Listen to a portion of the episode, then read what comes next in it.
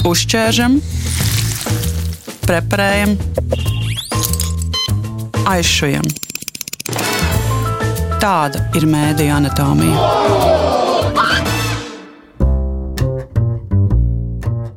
Pirms dažām nedēļām Latvijas politiķi pieņēma lēmumu no 2026. gada pārtraukt veidot sabiedrisko mediju saturu Krievu valodā. Tepat kaimiņos, Igaunijā, pieeja ir gluži pretēja. Igaunijā ir gan sabiedriskais TV, gan radio krievu valodā, un pēc Krievijas iebrukuma Ukrainā šim saturam finansējums palielināts par diviem miljoniem katru gadu. Mēdīju anatomijas studijā Zane Ozoliņa un šajā raidījumā saruna ar Igaunijas sabiedriskā mēdīju vadītāju Eriku Rose. Russian language channel in Estonia was introduced in 2000 15 after the annexation of Crimea. Would you recall the discussions beforehand? How, how do you remember the introduction of this in Estonia? Uh, the discussion about having that was long, I would say even more than decade before. But always previous governments and, and ministers said and complained that that kind of overall paradigm and belief that we cannot afford to compete with uh, Kremlin, uh, not even Kremlin these days, but these big, huge Moscow um, started channels, RTR, NTV, PBK, etc., because their budget is just so much bigger. So it's a bit like stupid to start to compete with them. And it was a, the overall rhetoric and in Excel phase. Then, of course, the uh, like you also mentioned, this Crimean event was uh, last trigger and then uh, the uh, these days government or coalition government finally decided that uh, no matter what we have to do something. And then the decision was made somewhere in uh, 14 the money was given or kind of uh, budgeted. And uh, approximately one year and a half or something took time preparations. And in the september if i'm correctly the december 26 of 2015, uh, the ETV Plus Russian uh, language channel was launched. So this was the the uh, kind of history before. As we did it, uh, okay, there was two two two two uh, details. Uh, one was that it wasn't totally from scratch from this point of view. That there was quite well met and watched um, Russian language news evening every evening, daily news, half an hour or something plus all other things uh, debate shows acquisitions and film movies everything was was uh, generated during this one year around it. And then and second second detail was that of course in the beginning it was extremely small uh, viewership extremely small. And uh, that was first let's say two years even three years there was constant debate from some part of politicians mostly from conservatives, but also these kind of, uh, let's say, economically oriented uh, liberals that, okay, we spend uh, several millions, but we still don't gain any reader, any, any, any viewers, readers, uh, listeners. So in order to say that, okay, we're still wasting too much money and don't get anything um, back. So this kind of rhetorics was permanent during two, three first years. But everybody, every every professional said that it takes time. You must be patient and please uh, keep going. Could you uh, tell what was your approach to raise the audience to mm -hmm. work on these numbers? There was a lot of uh, lot of topics, rhetorics. We also changed uh, chief editor uh, at the path, tried different programs, which was very important. We also not only for Russian but also in Russian. Uh, in 2017, we also um, invested quite heavily into our analytics and and and monitoring. So we we wanted to have and had the ability to get very good monitoring system what is watched uh, when is watched uh, how is watched so what is the uh, the the motivation? So this and we succeeded to get uh, quite a good picture. What actually happening? Of course we didn't see into brain of, of the viewers but we we monitored quite well how the uh, audience uh, behavior changing. Of course there was a different details that if there is some big events then these events generates uh, the uh, interest and then this interest somehow remains a very big help was a covid uh, virus when covid was there everybody was at home and in moscow in pbk or rtr there wasn't any detailed information about what restrictions are in tallinn or kohtla-järve or narva or tartu but it was daily basis in the ETV Plus, in Radio 4, in our Russian um, portal. And they discovered that, okay, it's it's good, we got get it. So it's a very practical one. The next next sample just for you is that uh, we also spend quite a lot of money for sport events. For example, very good comparison for Latvia. Ice hockey, as it is in Estonia, doesn't exist. Technically, it exists, but uh, nobody knows that. And the uh, success is basically zero or minus we still bought it quite cheaply because it uh, a big market, World Hockey Championships, and always Russian a minority Russian population. They love to watch. I don't know Russia against uh, Latvia or Russia against Canada or whatever or United States, and we get enormous big numbers with these sport events. So with these kind of things, and and again, some of them stayed. Okay, not so bad channel at all. So step to step, it took time to time, but nowadays uh, there's a later on also question. But nowadays we reached, I would say, really good enough audience numbers. So last three to four years, nobody asked anymore by our politicians, except like like your case, that is it worth to spend this uh, three millions? Because this three, three, four millions is really like only 10% of our budget. And uh, if our population of Russian population is 25, 27% uh, share in all audience, then and we spent only 10% from our budget, then basically we are quite effective. And I would say that money well spent. These are really good examples. Uh, would you uh, like to share also something that uh, you introduced after this monitoring data and something that didn't work? No, I would say it's not even so important are the samples. Important is this mentality and this way how we proceed that. And then this way it, it's good. And the, the other other thing what is also very good and works again, like I said, is local things. If there is local elections, both the national wise, but also the very local local municipal elections, whatever you do, Pervõi Baltiiski, don't say or RTR or Vremia, don't show what was Limbaži or or or, or Daugavpils uh, election result. They don't do it because it's crazy if, if they would.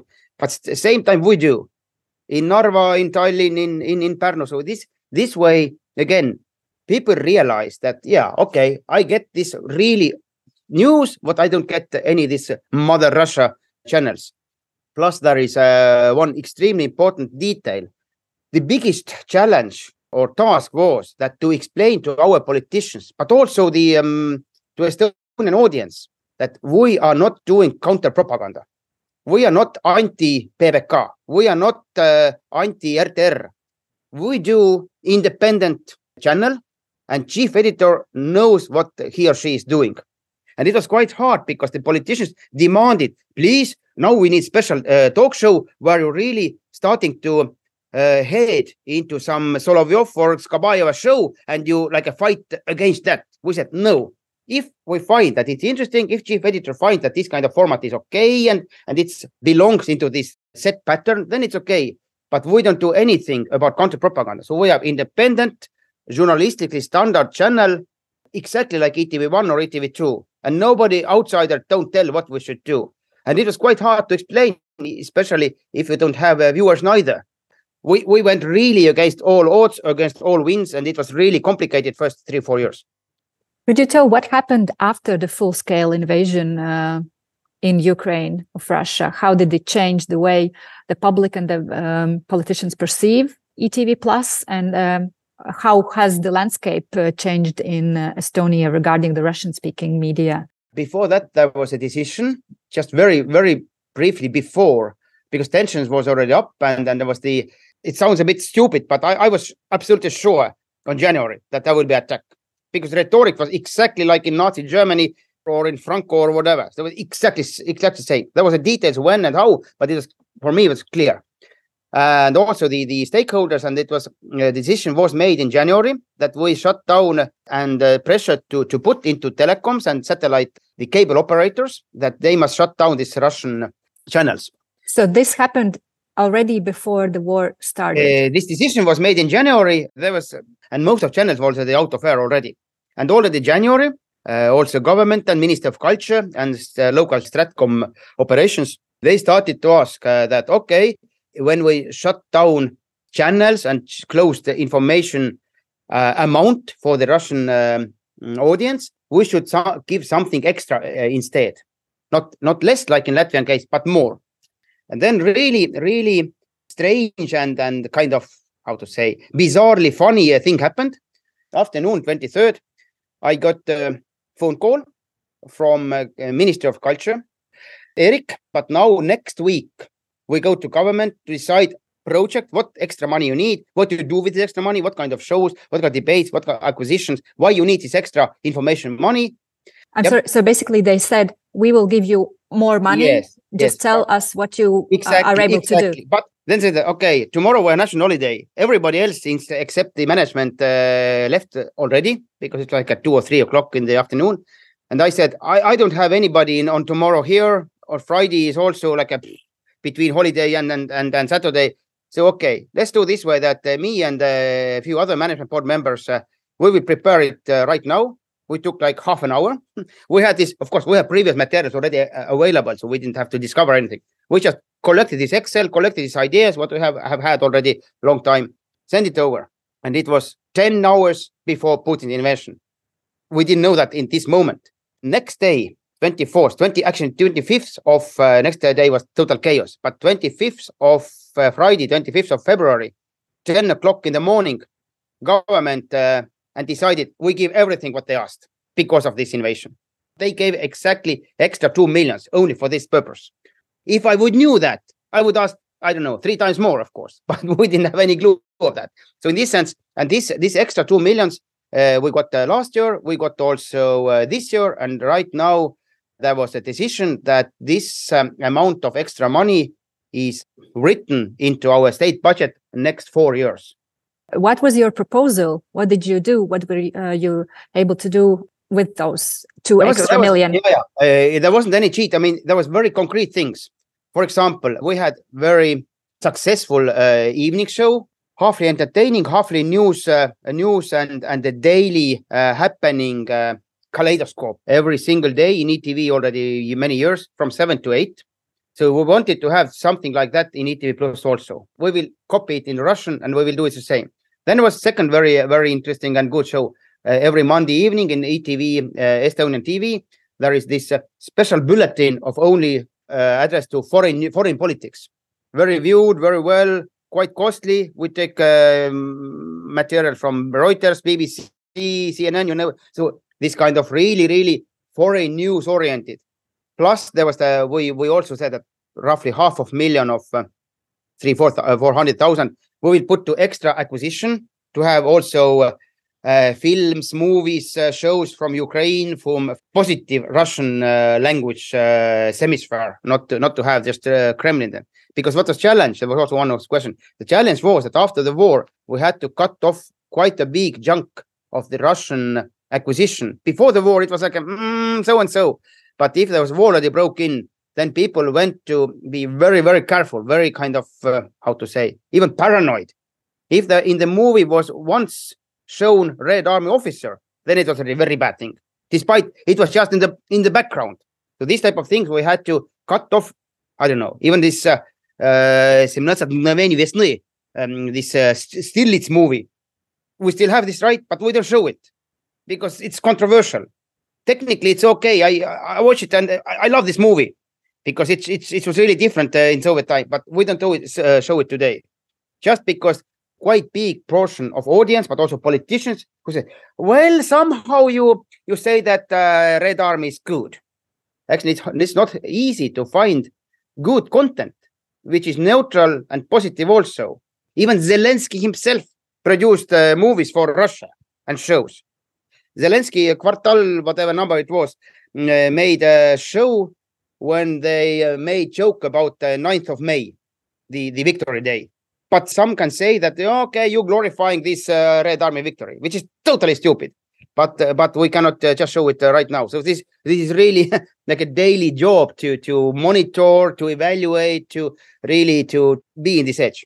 It also corresponds what we have, like for example, on the Latvian radio, we don't uh, have the radio theater plays. We don't um, direct them with Russian heritage. It happens monthly basis in Estonia. Uh, there was one more de- important detail when we, when you when you asked about what is was changed in the in the beginning of of uh, war or, or uh, wider war. It was also the situation that especially Radio Four, but also ETV Plus, was very pro-Ukrainian. So actually, we lost, and they warned us. I mean, chief editors, they warned us we are still pro-Ukrainian. We are very against the Putin's invasion, and we will lose 10 to 15 percent of audience. And it happened because these very, very pro-Kremlin Russian citizens, we lost them because they just don't want to listen that Ukraine is right and Putin is wrong. But okay, it takes time, and now very, very slowly they are returning because this kind of no paradigm uh, overall world is changing. But but still, we got a small uh, setback. What about the audience which was turned on the Kremlin channels? Did you get them after you closed down the RTR and um, other Russian Kremlin yeah, channels? yeah, we we uh, we we gained we we gained more and more. So now nowadays I have a we got maybe 30 to 40 percent of increase during last year in ETV Plus. The ETV Plus is biggest uh, Russian language channel today in Estonia. The, the case is that the Russian population, a bit simplified way, there are three categories of them. One third is very, very, how to say, naturalized. Basically, in vast majority, they are pro-European. Then there is another edge, another corner, what they are really, really pro-Russian. They are a little bit hopeless you don't change the mentality of a Red Army officer widow, 75 years old. It's hopeless. If they like it or she likes it, she can watch the news, but basically we don't make any extra efforts to get them. But for whom we fight, and who, as a kind of bit like controversial, not fight is not correct word, but but whom we aim and what is really our target is this middle sector between. They don't have any citizenship. They have, have so-called gray passports, non-aliens passports, and these these are those for souls we fight and we want to grab grab them into European side and to persuade them to convince them that uh, having Estonian passport, uh, knowing better Estonian language culture, it's good for country and for them personally. And I would say that um, we more or less succeeded. Could you describe your competition? For example, Estonia Delfi has Russian section, and they had uh, some part of government funding as well. So not only public media gets support to talk to Russian speaking um, mm. audience in Russian. Two things. Uh, first is uh, this uh, support. Support was uh, it was a political decision that if we support public broadcaster with two millions, then we have to give some money also to the private media. Postimees online, Delfi online, they both has Russian version. TV3, what is operating in Latvia, Estonia, Lithuania, they also has this ETV3 plus Russian. It's mainly movies, but still they they exist and they get this audience. And then there is also Duo Media. They also launched, uh, I think it was uh, Duo Seven or something. So the landscape is uh, really rich. Where actually government could say, okay, two millions for a public broadcaster, but one million or one and a half also to spread also newspapers. By the way, few new newspapers also in in in northeast of uh, Estonia is existing, so-called Daugavpils area.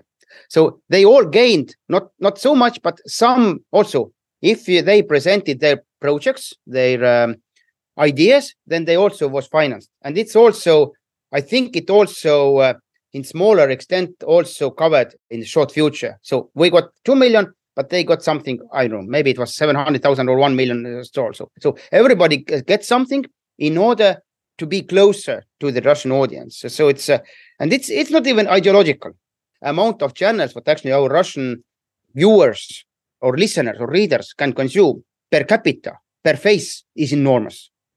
Maybe after 30 or 50 years, everybody speak in Estonian, in Latvian, in Lithuanian. We don't need these channels, maybe, but now we need.